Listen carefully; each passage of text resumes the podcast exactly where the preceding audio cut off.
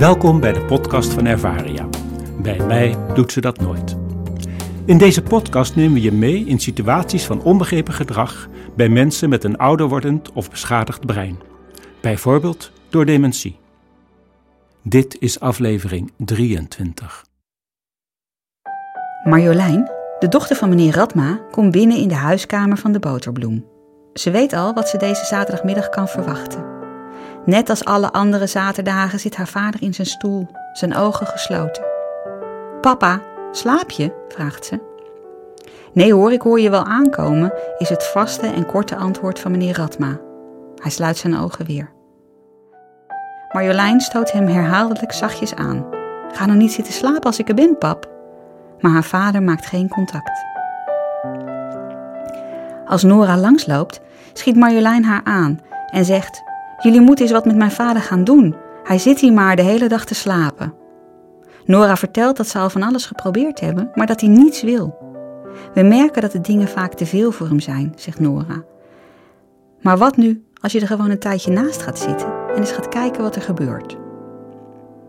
Bij haar volgende bezoek volgt Marjolein haar advies op. De eerste minuten gebeurt er niets. Dan zegt Marjolein zachtjes: Papa, ik ben er. Het duurt wat tellen, maar dan kijkt hij haar aan en aait haar over haar arm. Misschien maar twintig seconden, maar het zijn wel twintig seconden van echt contact.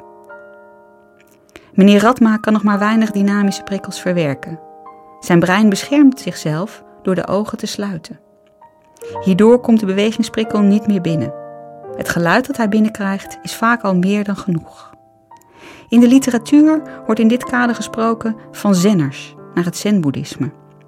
Als je aan een zenner vraagt: slaapt u? dan krijg je over het algemeen het antwoord: nee, ik hoorde je wel.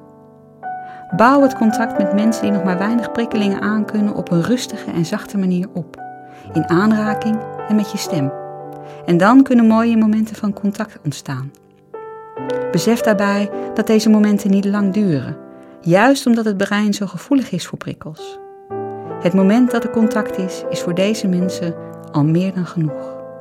Veel meer gaat simpelweg niet. Ons brein beschermt ons tegen de prikkels door de ogen te sluiten. Probeer iemand niet wakker te maken, maar laat het contact geleidelijk en rustig ontstaan en koester de momenten die er ontstaan. En vergeet niet om het contact even zo rustig af te sluiten.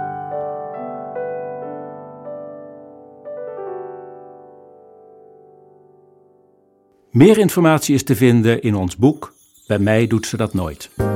Je kunt ook de website www.ervaria.nl bezoeken of mailen naar info.ervaria.nl. Bedankt voor het luisteren.